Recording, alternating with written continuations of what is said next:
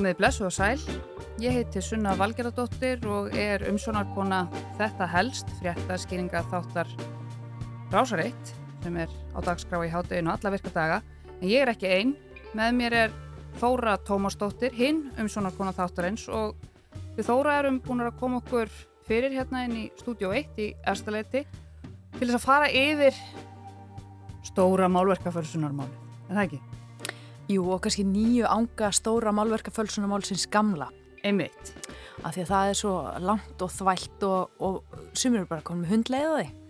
Já, e, sko, er þetta samt ekki einhvern veginn, uh, ég eins og þú svo vel veist, þá vissi ég ekki mikið um þetta stóra málverkafölsunarmál. Þú uh, mætir hérna til vinnu og spyr mig bara stóra málverkafölsunarmálið og ég hefði, já, já, einmitt, ég man eftir því. Ég, ég vissi að það gerðist, sko, og ég vissi að, að það var stórt, en ég vissi ekkert mikið meir, sko. Og þú ert búin að vera hérna vakin og sofin undan farnar vikur með blada, útprentanir, uh, ringjandi símtöl og svo er þessi afur, þessir fjórir þættir sem þú ert búin að gera um þessa nýju ánga þessa máls en það stendur samt sem áður það er, það er samt sem áður margt sem að þú komst ekki að, eða hvað? Já, það eru margir, ef að segja, bara lausir þræðir í sögunni eins og við hefum fluttana hérna undarfarnar undarfarnar daga mm -hmm. og e, það eru þetta bara stóra spurningar eftir. Hverjir voru falsararnir í þessu máli? Einmitt. Hver gerði þetta? Er þetta satt sem að Ólaur Ingi forverður er að segja? Um, það er alls svona spurningar sem að ég ætla bara að skilja fólk eftir með en En við skulum ekki gera það. Hverju voru þessi falsarar? Uh -huh. Og eru? Uh -huh. Og eru þeir enn að? Og... Ég veit það ekki. En enda er það ekki mitt að segja hverju falsararnir voru. En vissulega hef ég talað við marga sem hafa kvíslaðið mér bæði nöfnum og, og svona ímsum góðum, sterkum vísbendingum. Og það er náttúrulega búið að koma fram ítrekkað í þessum þáttum að, að það er, það er að minnstakosti álitt uh, einhverra sem til þekkja að að þessar myndir sem við erum að sjá í dag uppi á vegg í listasafni Íslands uh, nánast, næstum því inn á uppbóðum hjá Galeri Fold eru sömu verk sem er einhvern veginn búin að ring snúast uh, á milli fólks eða í kossum eða hjá, upp á veggjum hjá fólki síðan í gamla daga, síðan í, í stóra málökufjölsunarmálunu. Já. Og það er ekkit skrítið að fólk muni ekki eftir stóra málverka fölsunamálinu. Það hefst einhvern tíman 1990 og sinna þá varst þú bara 10 ára. Nei, elska mín, ég var 7 ára. Já, þú varst 7 ára og, e, og það stendur í 20 ár e, pluss mínus fyrir nú eftir skilgarhengum. En aðalatrið er að það er svo skrítið að sérfræðingar í málverkum og fölsunum og pappirum og, og e, ríthandar sínum, þeim bar öllum saman um að verkin sem voru rannsökuð í stóra málverkafölsunamálunu sem í upphafi voru 181 verk sagt, sérfræðingum bar saman um að þetta væru fölsuverk og það voru margvíslega gerðir af fölsunum í þessum hérna, bunga mm. og það eru auðvitað tvö nöfn sem hafa komið upp aftur og aftur og voru sakborningar, e, voru ákjærðir í tveimur málum. Byrjum að heyra hvað Ólafur hefur að segja. En ég tel og hef, hef sagt að ofnbælega ég telji bæði Jónas Freytal og Petur Þórgunnarsson vera falsara af mikið af þessu verku. Og þessi nöfni eru ennþá bara... Já, þetta eru nöfnin sem að voru alltaf tengt þessu máli. Eh, eins og við höfum sagt frá áður að þá er Petur Þór ekki til viðtals um málið í dag en eh, Jónas Freytal Þorstensson Torstensson heitir hann í dag, ég held að hann hefur breytt nafninu sínu. Hann, ég hef ekki náði hann, en ég hef reynda. Ég sá í gerð, þú varst að tala við hann og hann sínaði... Já, hann sá skilabóðin frá mér eða Já. einhver með þennan profíl á Instagram sá skilabóðin frá mér og, og svaraði mér ekki. Uh, ég vona bara hann hafi samband við mig svo ég geti rætt þetta mál við hann betur. Um, já, heyrum hérna brot úr uh, heimildamind sem að gerði málið á sínu tíma þar sem að hann er svona lýsa því hvernig er að vera í þessu máli. Okay. Sko fyrir mér er þetta mál svo abstrakt, ég, að hluta til það er svo flott og það er svo eitthvað tært, einfalt og flott að ég skulle verið í því að hluta til forréttindi þó þessu ógæslega leðilegt. Það er það, en eins og þú veist að fæðist á Íslandi, það er skítkallt og rándyrt og lengst út í hafi, en það er ógislega flott. Þannig að verið í þessu máli er að hluta til svona skeður hverki hjá siðmyndari þjóð. Svona bull að sögnin taki þátt í þessu og mann standi í svona æðislegt.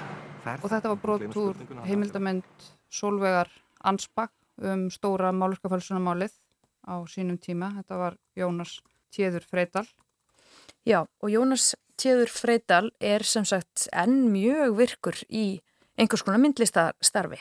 Hann er með heimasíðu jóðftorsteinsson.com sem að ég bara hvet fólk til þess að skoða. Eh, hann segist hérna vera visual artist, painter um, og hann segist vera svona umhverfisaktivisti og gera umhverfis svona aktivista list og Já, segist... svona climate art. Já, climate change art um, og svo er hérna á forsíðunni er Satsi Art logoið Eh, svo er hann með prójekt eða verkefni sem kallast Out of Africa og það eru mjög svona, hvað ég segja, áhugaverðar myndir eða svona, já, ég myndi segja áhugavert að skoða þetta og hann hefur haldið til í Danmörku, um, símanúmeri sem hann gefur upp er í Danmörku, ég nænu ekki í hann þar.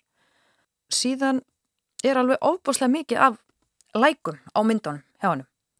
Þannig að það er greinlega... Hann er með marga marga aðdáendur? Já, hann er greinlega með mjög marga aðdáendur.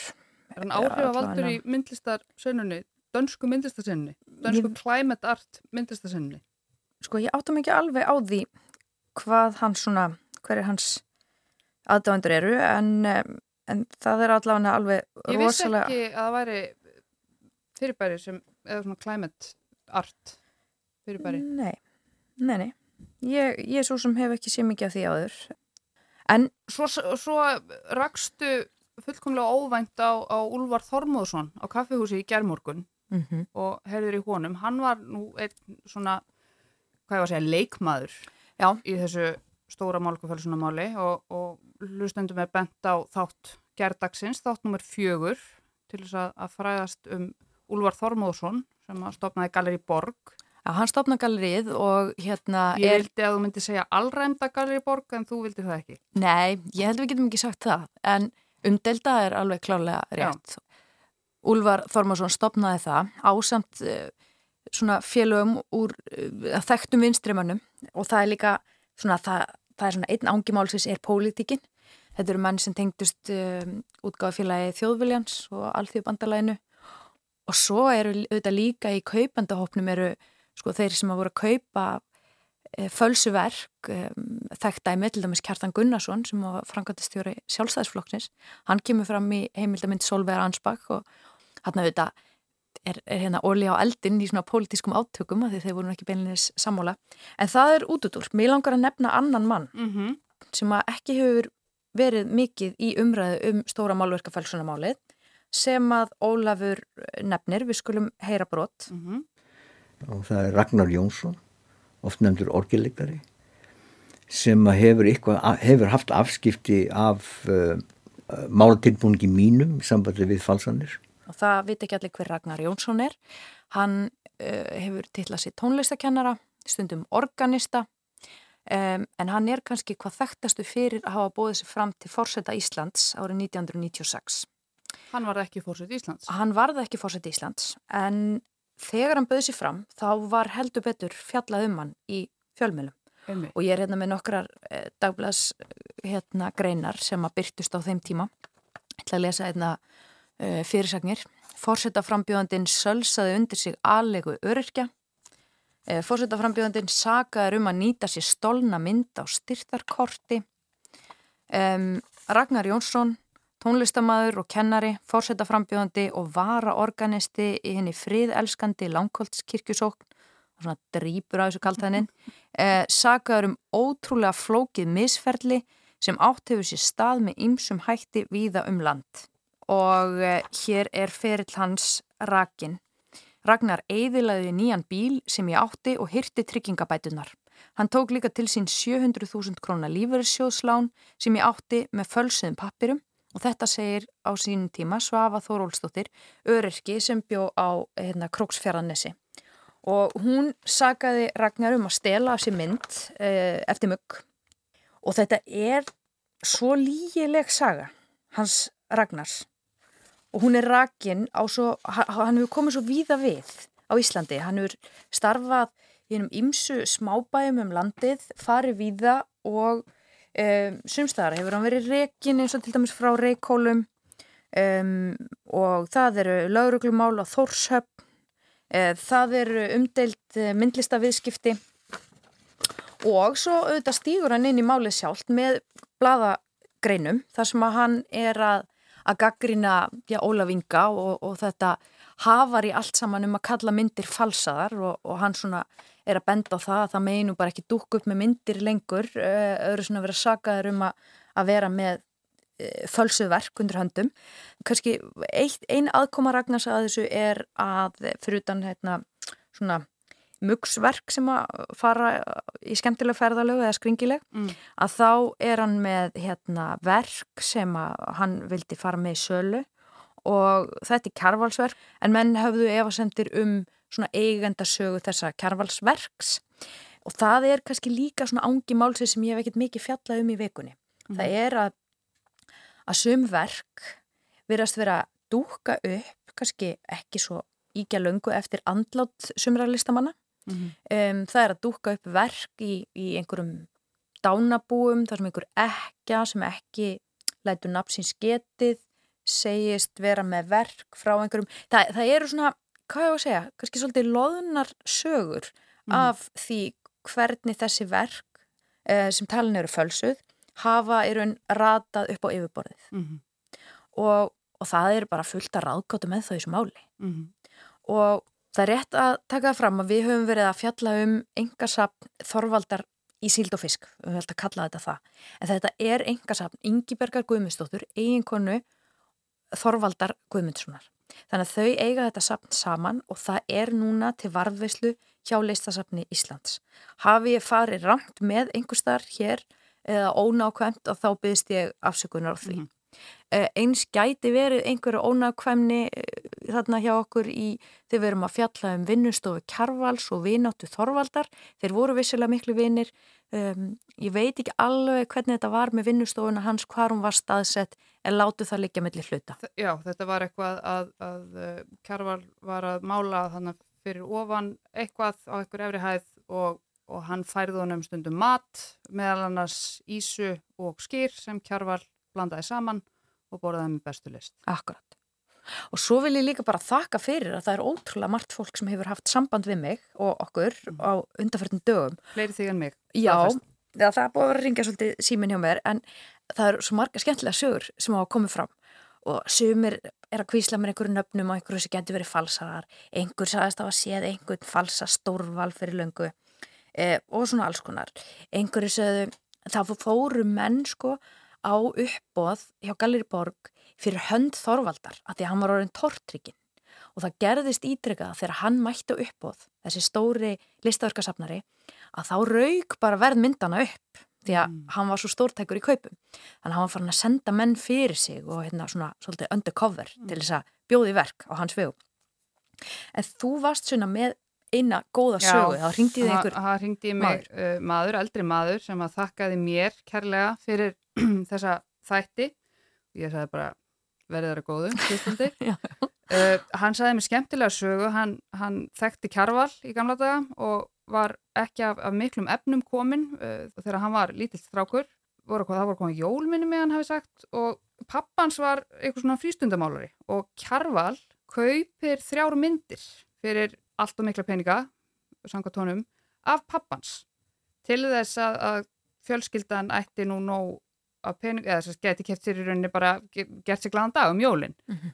og Kjarval sem sagt notaði svo strigana, eða notaði þessar myndir til þess að mála sem, sem striga fyrir sig, þannig að eins og þessi maður sagði, einhver staðar þarna úti eru myndir eftir pappa minn undir Kjarvalsverkum og það finnst mjög skemmtilegt. Mm. og honum þótti mjög vænt um það Já. þessum manni. Þóra Tómasdóttir, uh, við ætlum að setja punkt í byli allavega Já, við ætlum að setja punkt í byli.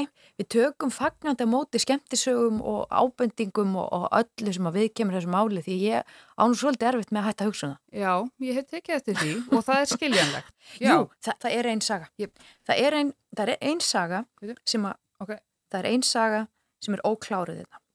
E, það er Ólafur Ingi Forverður e, sem að lýsir því að á frum stegum málsins þá hafa hann fengið skringilega heimsókn sem að gera hann tortrykinn út í lauruglu, störf lauruglu og svona framvindu málsins. Við skulum bara heyra þessa klippu og leggja það í dóm hlustenda. Sko ég hafði sambandur lauruglan 1996 í Reykjavík. Það gerðist ekkit í halvt ár. Fyrir en ég fekk raunverulega lauruglustjóran í Reykjavík inn á góldtímin. Lauruglustjóran í Reykjavík kom inn á vinnustofum mína þar sem hann bað mig að hætta við kærur í þessu máli. Nú ég svara bara mannum einfallega að það kem ekki til greina. Það verður allt aðra hagsmunni hér í gangi og þetta væru umfóðsmikið mál og með það fóran. En ég ætla líka að taka það fram að samstarfsmaður hans, Hilmar hjá Morkinskinu, staðfesti þessa e, frásögn Ólafs, hann var viðstatur og tekur undir að þanga hafi komið til þeirra maður og beðið um gott veður. Mm. Við ætlum að setja punktið að komu kannski, þangastrygg við þetta í byli. Ég heiti Sunna Valgerðardóttir og þetta var síðasti þáttur í byli í serju okkar aðlaþóru Tómasdóttur. Í þetta helst um málverkafalsanir á Íslandi í fortíð, nútíð og framtíð. Og við þökkum bara góða hlustun þessa viku.